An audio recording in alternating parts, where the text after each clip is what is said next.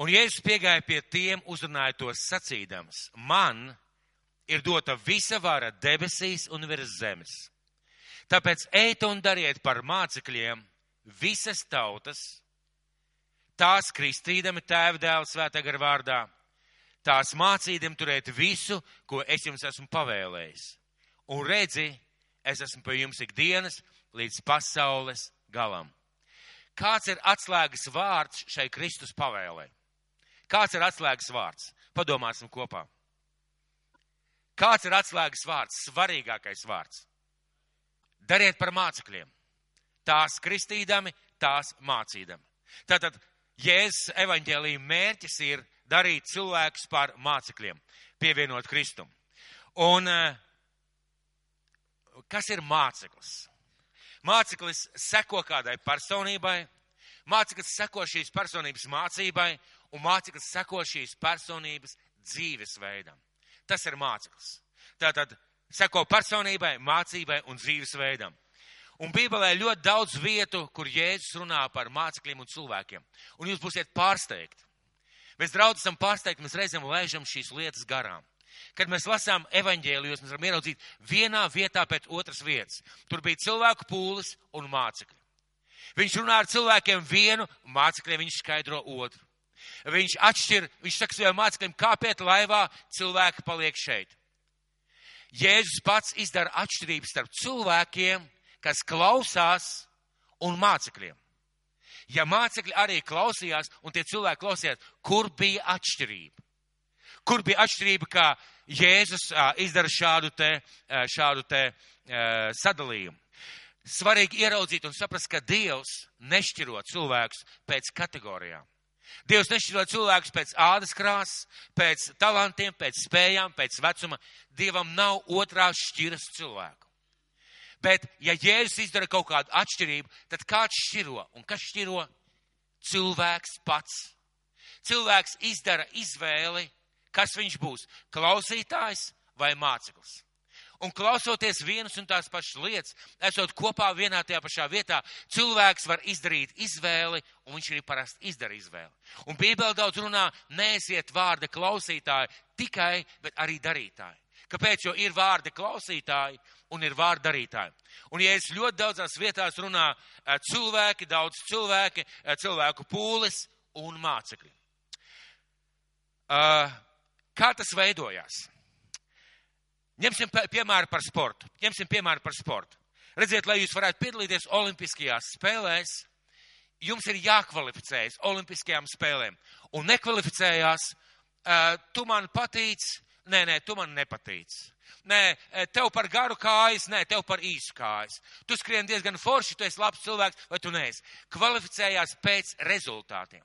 Ko tas nozīmē, ka notiek sacensības gada laikā, un cilvēki kvalificējās tām normām, ja tiem sākuma, tiem termiņiem vai laikiem vai augstumiem, kuriem, no kuriem sāksies Olimpiskajās spēlēs. Ko tas nozīmē? Tas nozīmē, ka cilvēks kvalificējās Olimpiskajām spēlēm. Ko tas nozīmē? Ja Olimpiskās spēles vai sporta sacensības droši vien, ka nav pilnīgi vienāds sākums. Ir kāds, kas ir talantīgāks, ir kāds, kas mazāk talantīgs. Bet uh, ir sportisti, un uh, sportisti parasti saka tā, ka patiesībā visu nosaka darbs. Kā tu ieliecies tajā lietā, uz ko tu ej. Tas nozīmē, ka pat uz tādām sporta sacensībām ļoti bieži cilvēks pats izvēlās, kas viņš būs. Sportists, kas piedalās Olimpiskajās spēlēs, vai paliks aiz strīpus, un to nosaka treniņš. To nosaka nodošanās, to nosaka tas, kā mēs dzīvojam.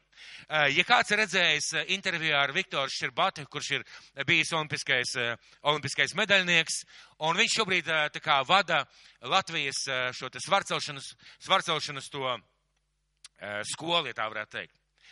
Ja, ja kādam iznāk pasklausieties, un viņš rotu runā par to, ka tajā laikā, kad viņš bija, telefonu nebija, viņi nodevās tam sportam Šodien jauniem cilvēkiem ir ārkārtīgi daudz izaicinājumu, piedāvājumu, un cilvēki tā vairs nenododas. Tam viņš teica, es sāku no rīta ar treniņu, pusdienās man bija treniņš, vakarā man bija treniņš.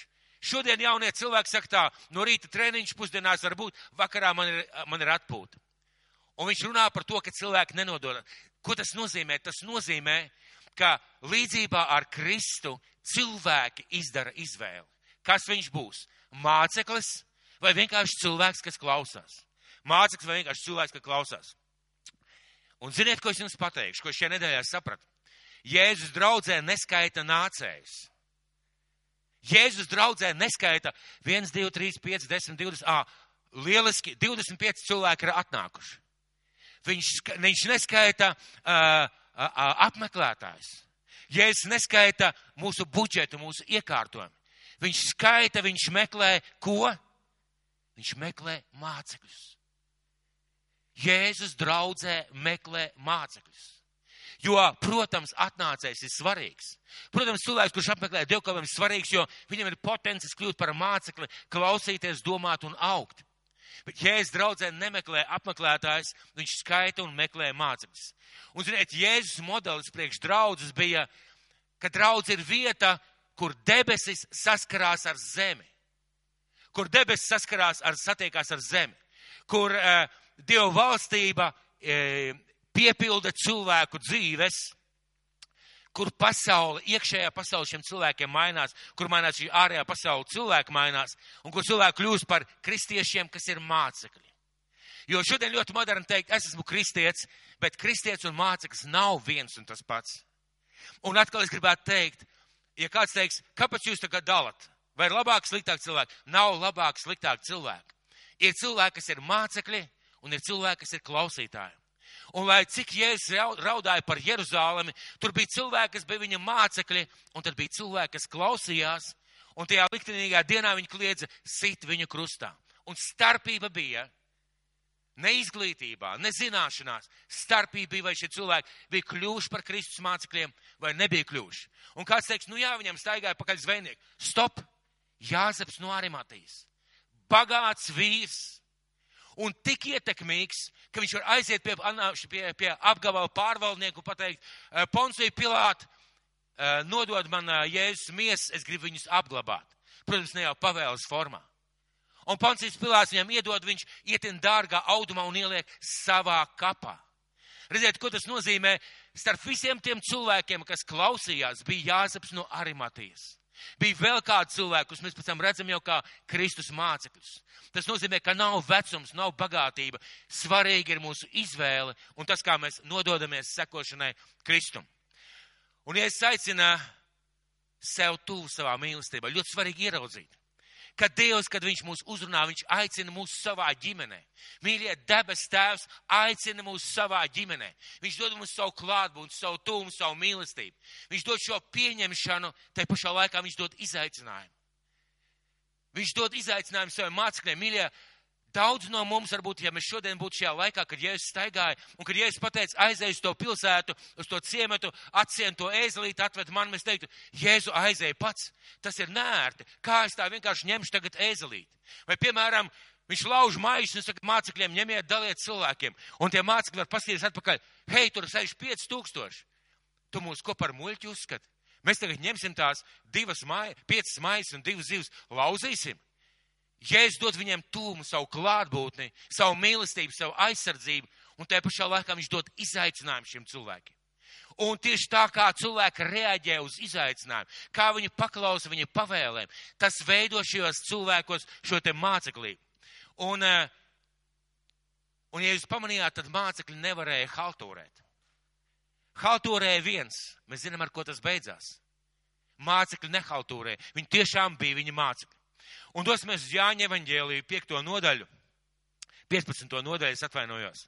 Mēs runāsim par vārdiem, par tiem vārdiem, ar kuriem mēs pagājušajā reizē runājām.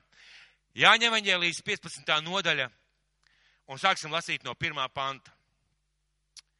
Es esmu īstais vīna koks, un mans tēvs ir dārza kopējs.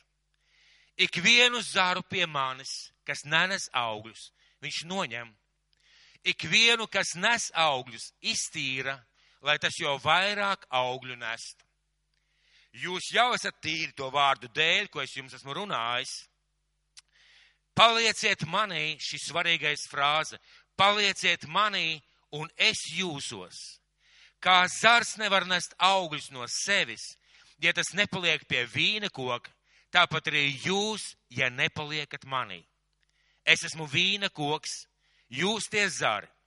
Kas manī paliek un es viņā, tas nes daudz augļu, jo bez manis jūs nenieka nespējat darīt. Ja kas nepaliek manī, tas kā zars izmetams ārā un sakalst, to savāc un iemet ugunī un tie sadeg. Ja jūs paliekat manī un mani vārdi paliek jūsos, jūs varēsiet lūgt, ko gribat, tas jums notiks. Ar to mans tēvs ir godā celts, ka jūs nesat daudz augļu un topat par maniem mācekļiem. Beidzās ar ko?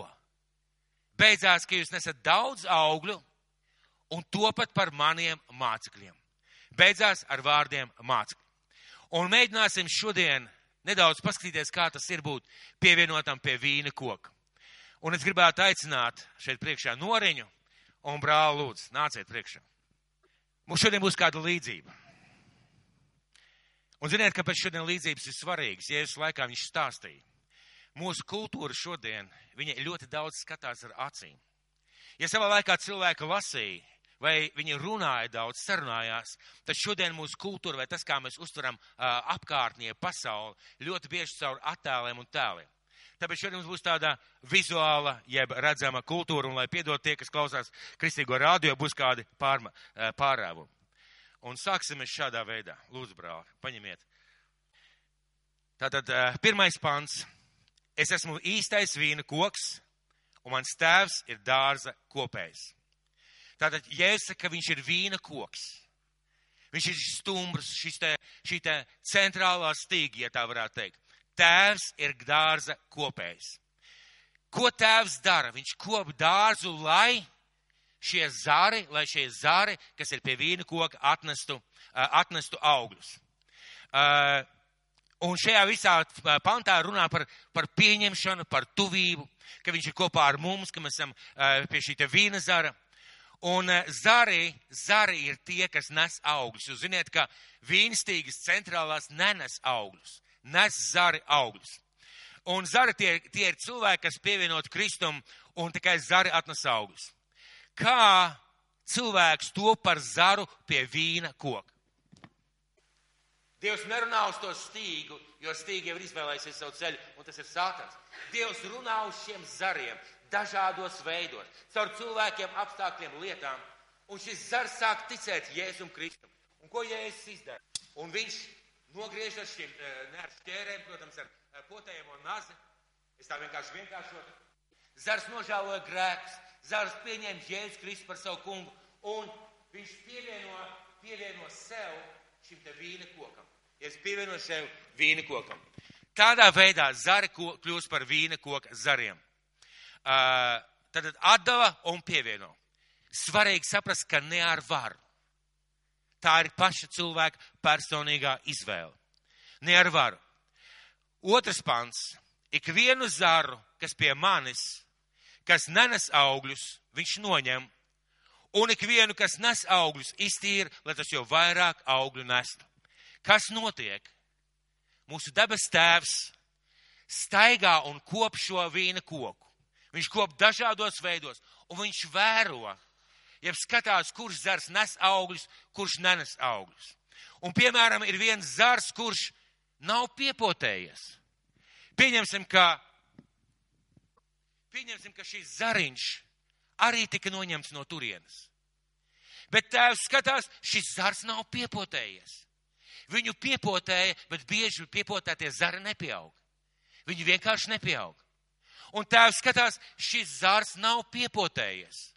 Viņš jau ir nokalts. Viņš vienkārši nav devis šo sulu, viņš nav uzņēmis sulu. Kaut kas nav iznācis pareizi. Un ko viņš dara? Viņš noņem šo zaru. Un tad viņš skatās, Tad viņš skatās, bet lai šis zars nestu vairāk augļus, viņam reku to sakaltu šo vidiņu vajag nokniept nost. Un varbūt šeit vēl drusku piepielīdzināt. Tātad viņš noņem tos, kas neņem, kas nav piepotējušies, svarīgi ieraudzīt.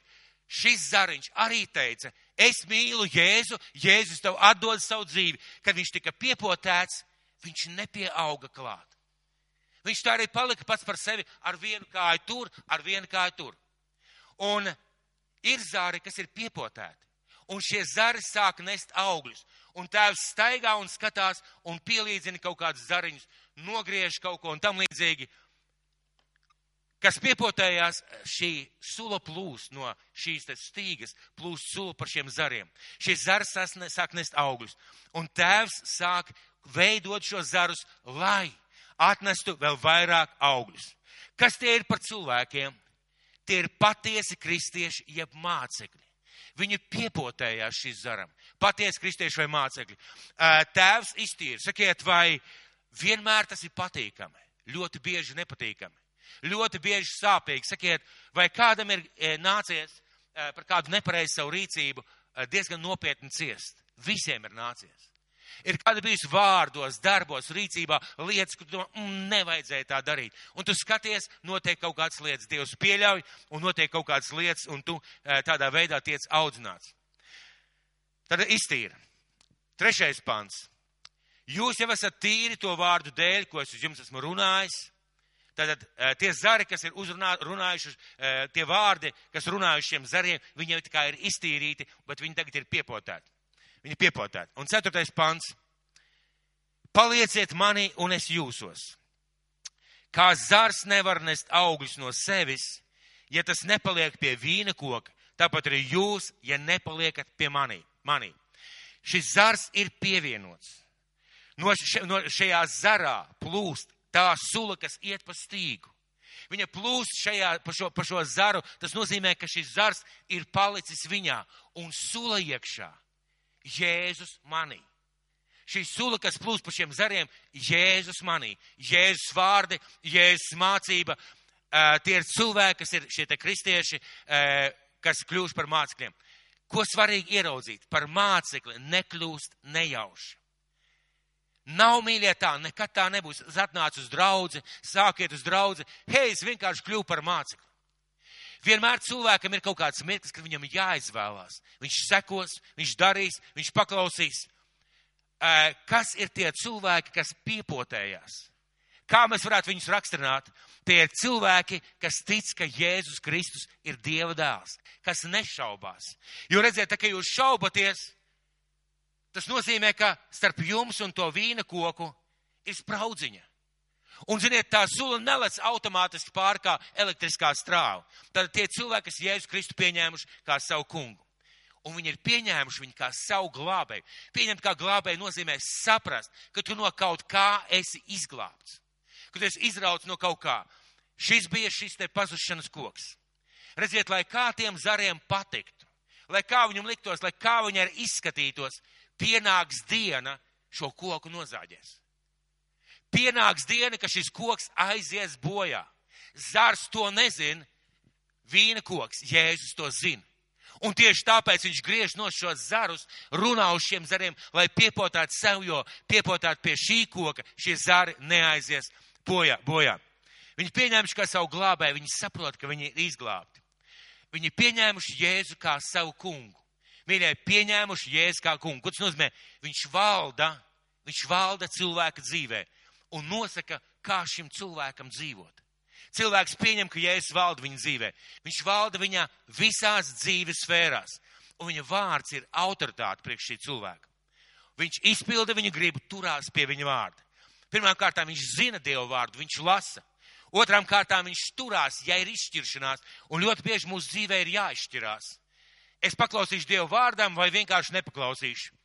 Un uh, nākošā lieta Jēzus ir autoritāte priekš šiem cilvēkiem. Pat ja viņš nezina vārdu, svētais gars, tas, ka dod liecību, nedari tā. Tas nav labi, tas nav pareizi, vai tas nav pēc mana gara. Un šiem cilvēkiem Jēzus ir autoritāte, tāpēc, ka šie cilvēki ir piepotēti. Un šie cilvēki saglabā savu ticību pārbaudījumos. Un vēl kāda lieta, nemazāk svarīga, viņi piedara kādai vietējai draudzēji, ieguldās šajā draudzē, kalpo šajā draudzē ar savām dāvanām, ar savām finansēm, ar savām spējām. Tātad tāds izskatās zars, kurš ir piepotēts. Klausamies un domājam nedaudz līdzi. Piektais, ceturtais pants. Palieciet manī, un es jūsos, kā zars nevar nest augļus no sevis, ja tas nepaliek pie vīna koka, tāpat arī jūs, ja nepaliekat manī. Kas notiek, ja zars atraujās. Kā jūs domājat, kas notiek? Viņš nokaltīs pareizi. Vai tā ir Jēzus griba, Jēzus izvēle? Nē, zara izvēle. Zara izvēle. Būt par mācekli ir cilvēka izvēle. Cilvēks izvēlās. Cilvēks izvēlās būt vai nebūt. Cilvēks izvēlās būt vai ne, nebūt. Ja, ja zars ir pievienots sula plūs pa šo zaru, piektais pants, es esmu vīna koks, jūs tie zari, kas manī paliek un es viņā, tas nes daudz augļu, jo bez manis jūs nenieka nespēja darīt. Vēlreiz, es esmu vīna koks, jūs tie zari. Ja jūs nepaliekat pie manis, jūs nevarat nest augļus. Ja mēs nekļūstam par mācekļiem, mēs nevaram nest augļus. Mīļie, lai kā, cik skarbi tas kādam skanētu, mēs esam tikai apmeklētāji vai ieinteresētās personības. Un kad pienāk kāds mirklis, kad mums ir vajadzība griezties projām vai kārdinājums vai kāds pārbaudījums, mēs griežamies, griežamies projām no šī zara. Sastais pants. Ja kas nepaliek manī, tas kā zars izmetams ārā un sakalst, to savāc un iemet ugunī un tie sadeg. Un bieži vien mēs domājam, nu es tā kā uz bišķīt uz mirklīt atraušos. Tā kā bišķīt uztaisīšu distancīt. Tā kā pilnībā nestaigāšu ar Kristu. Kas notiek ar šo zaru? Viņš sakalst. Viņš sakalst. Un viņu izmet ārā un viņš sadeg. Šis zars vienkārši sakalst un eh, viņš vienkārši, viņš vienkārši sadeg. Kā izvēle tā bija? Kā izvēle tā bija? Cilvēka izvēle. Ļoti svarīgi ieraudzīt, ka Jēzus nešķiro cilvēkus. Viņš aicina visus, visādos vecumos, visādām spējām. Svarīgi, ka Jēzus runā, ka ir dažādi talanti, dažādi aicinājumi, dažādas spējas, dažādi vecumi, bet viņš aicina visiem būt piepotētiem. Ja zars nepaliek pie vīna koka, viņš automātiski nokalst. Reizēm mēs tā cilvēki domājam, nu es nebūšu pie tā vīna koka tik ļoti, tās prasības pārāk lielas vai tie noteikumi pārāk smagi, vai man labāk tagad šobrīd tā darīt vai tā darīt. Ja mēs, piemēram, nepaklausam kādam Dievu vārdam, kādā konkrētā lietā, ir automātiski skaidrs, ka ienāks kaut kāda problēma uz dzīvē. Tas vienkārši automātiski skaidrs. Un septītais pants. Ja jūs paliekat manī, un mani vārdi paliek jūsos, jūs varēsiet lūgt, ko gribat, tas jums notiks. Ja jūs paliekat pie manis, vēlreiz, ja jūs paliekat pie manis, ja jūs esat piepotēti, ja tā sula no stumbra plūst pa zaru, ja tā sula plūst pa zaru, mēs esam tik tuvu Kristum, ka ja mēs kaut ko lūksim, viņš mums dos, ziniet, kāpēc? Jo mēs noteikti lūksim pēc Dieva prāta. Mēs lūgsim pat par savām vajadzībām, savām lietām, kas ir mūsu dzīvē, bet mēs lūgsim pēc Dieva prāta. Jo Dieva vārds mūsos plūst, šī dzīvības sula mūsos plūst, un mēs esam piepotēti šim zaram. Mēs lūgsim pēc viņa gribas. Zars pilda vārdu. Astotais pants. Ar to mans tēvs ir godā celts, ka jūs nesat daudz augļu un topat par maniem mācekļiem. Tātad dārza kopējs gaida augļus. Un dārza kopējs saņemot augļus, kad šie zari nes augļus, dārza kopējs saņem godu. Dārza kopējs saņem godu, un kā nobeigums ir šis secinājums, ka šie zari ir mācekļi. Ka šie zari ir mācekļi. Un paskatīsimies vēlreiz. Tātad Dievs nogriež no pazušanas koka zarus. Un viņš tāpat kā dārznieks cenšas piepotēt, ja piepotē vīna kokam, un piepotēties nav grūti. Nav tā, ka, ai, man vienkārši nepaveicās, es nepiepotējos. Vislabākais dārznieks. Bet vai piepotēties vai nē, vai palikt vot šādā attālumā, pieņemsim no šādā attālumā, kaut vai spraudziņā, kaut vai spraudziņā, tā ir cilvēka izvēle. Ja cilvēks izvēlās nepiepotēties, viņš automātiski nokalst, nedod augstu un šī dārza kopējs viņu e, paņem, teiksim, prom. Kas notiek? Kas notiek, ja, piemēram, Cilvēks saka, zini, ja cilvēks pilnībā nav pievērt un notiek lūkas, tu nedaudz aizzāģēji, bet pieņemsim, ka es būtu iezāģējis mazāk. Jūs zināt, ka sula plūst pa uh, mīzu? Jūs zināt, ka sula plīst pa mīzu, ja? Ja es gribat kādu koku vai zaru nobeigt, nomizojiet vienkārši mīzu. Zaru pat nevajag nozāģēt. viņš aizies bojā. Lūk, kas notiek, ja es personīgi ar kādu savu izvēli aizzāģēju šo zaru. Finansēs, ģimenes dzīvē, kalpošanā, attiecībās ar cilvēkiem, savā aicinājumā, savā uzticībā, savā ziedošanā. Es vienkārši sevi aizzāģēju.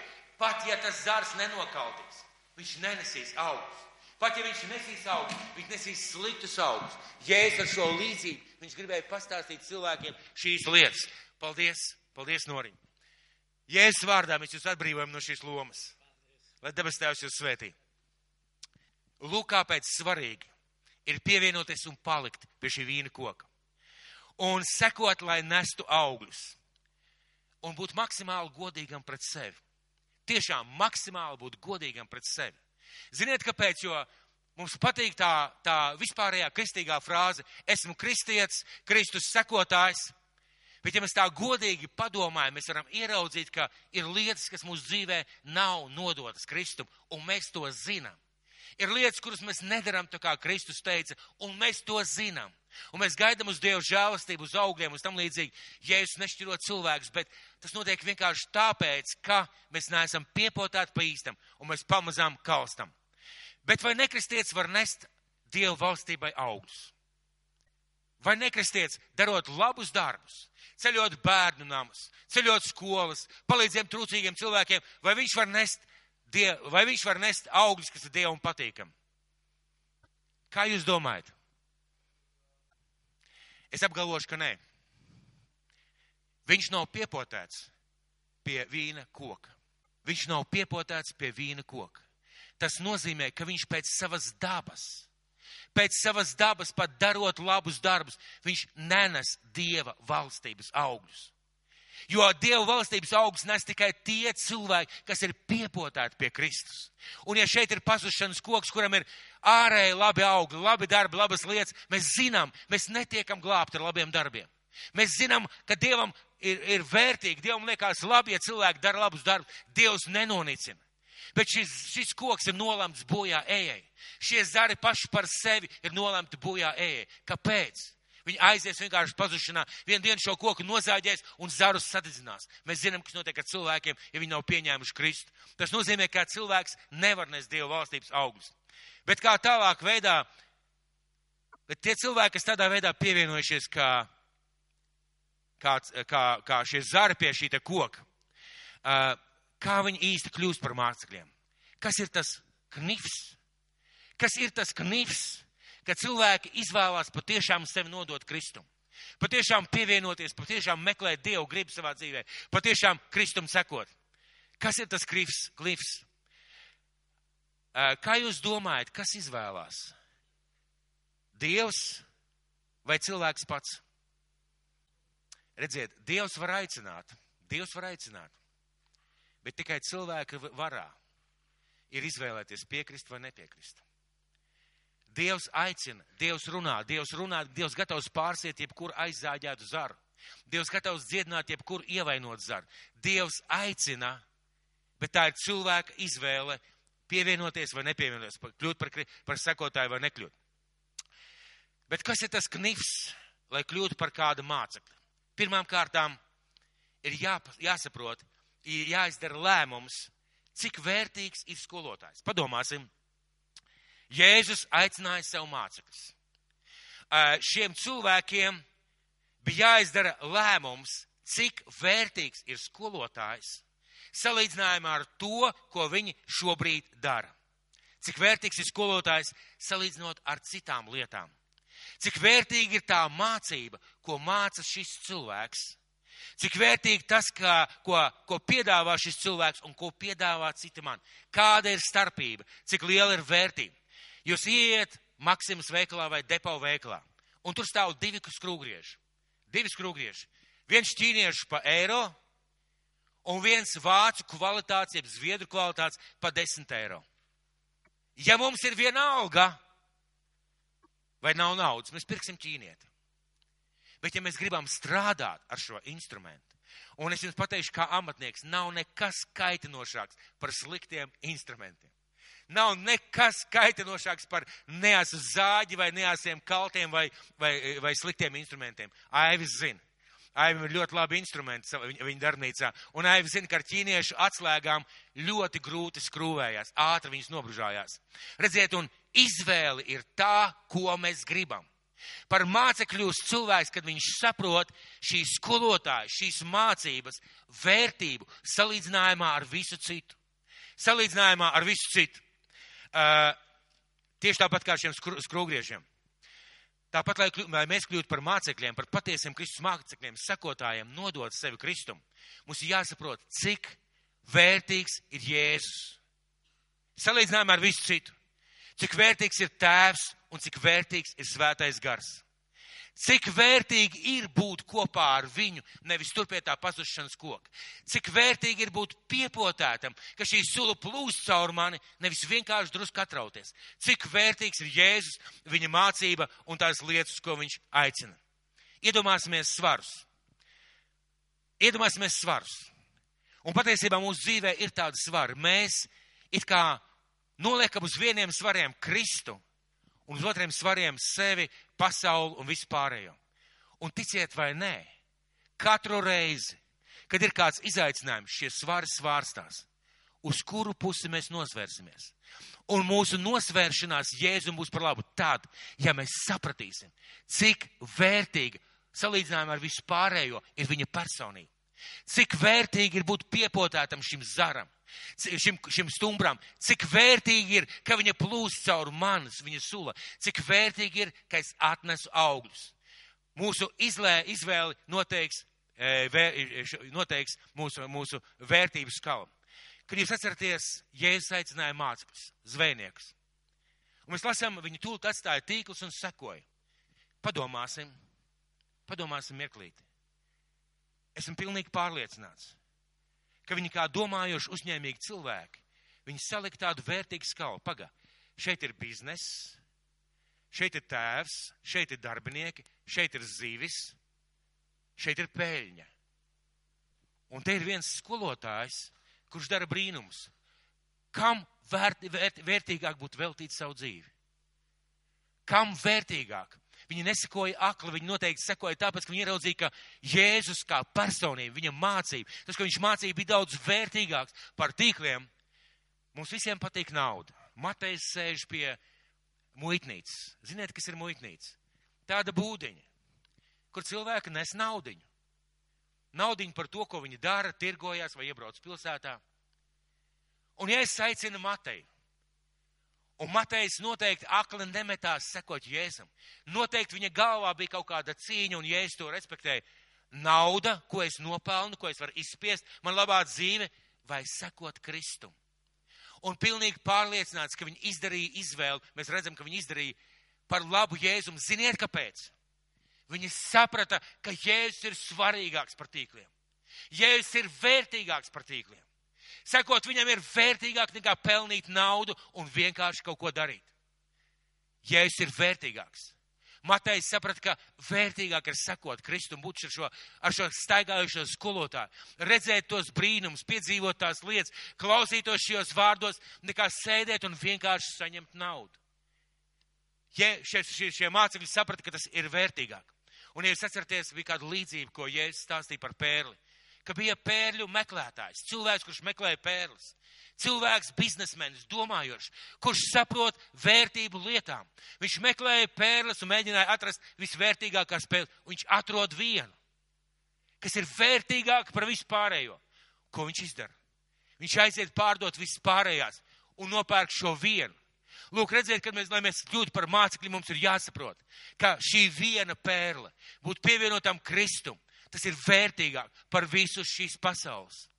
Vērtīgāk nekā tas, ko var dot pasauli, vērtīgāk nekā to var iegūt, ka tu atraujies no Kristus, tas ir vērtīgāk. Lai mēs to saprastu, pamēģināsim padomāt, cik vērtīgs ir Dievs pats. Sakiet, vai jūs kādreiz domājuši, cik vērtīgs ir Dievs pats? Cik vērtīgs ir Dievs pats? Un iesaist 40. nodaļa Iesaist grāmata 40. nodaļa, 15. 17. pants.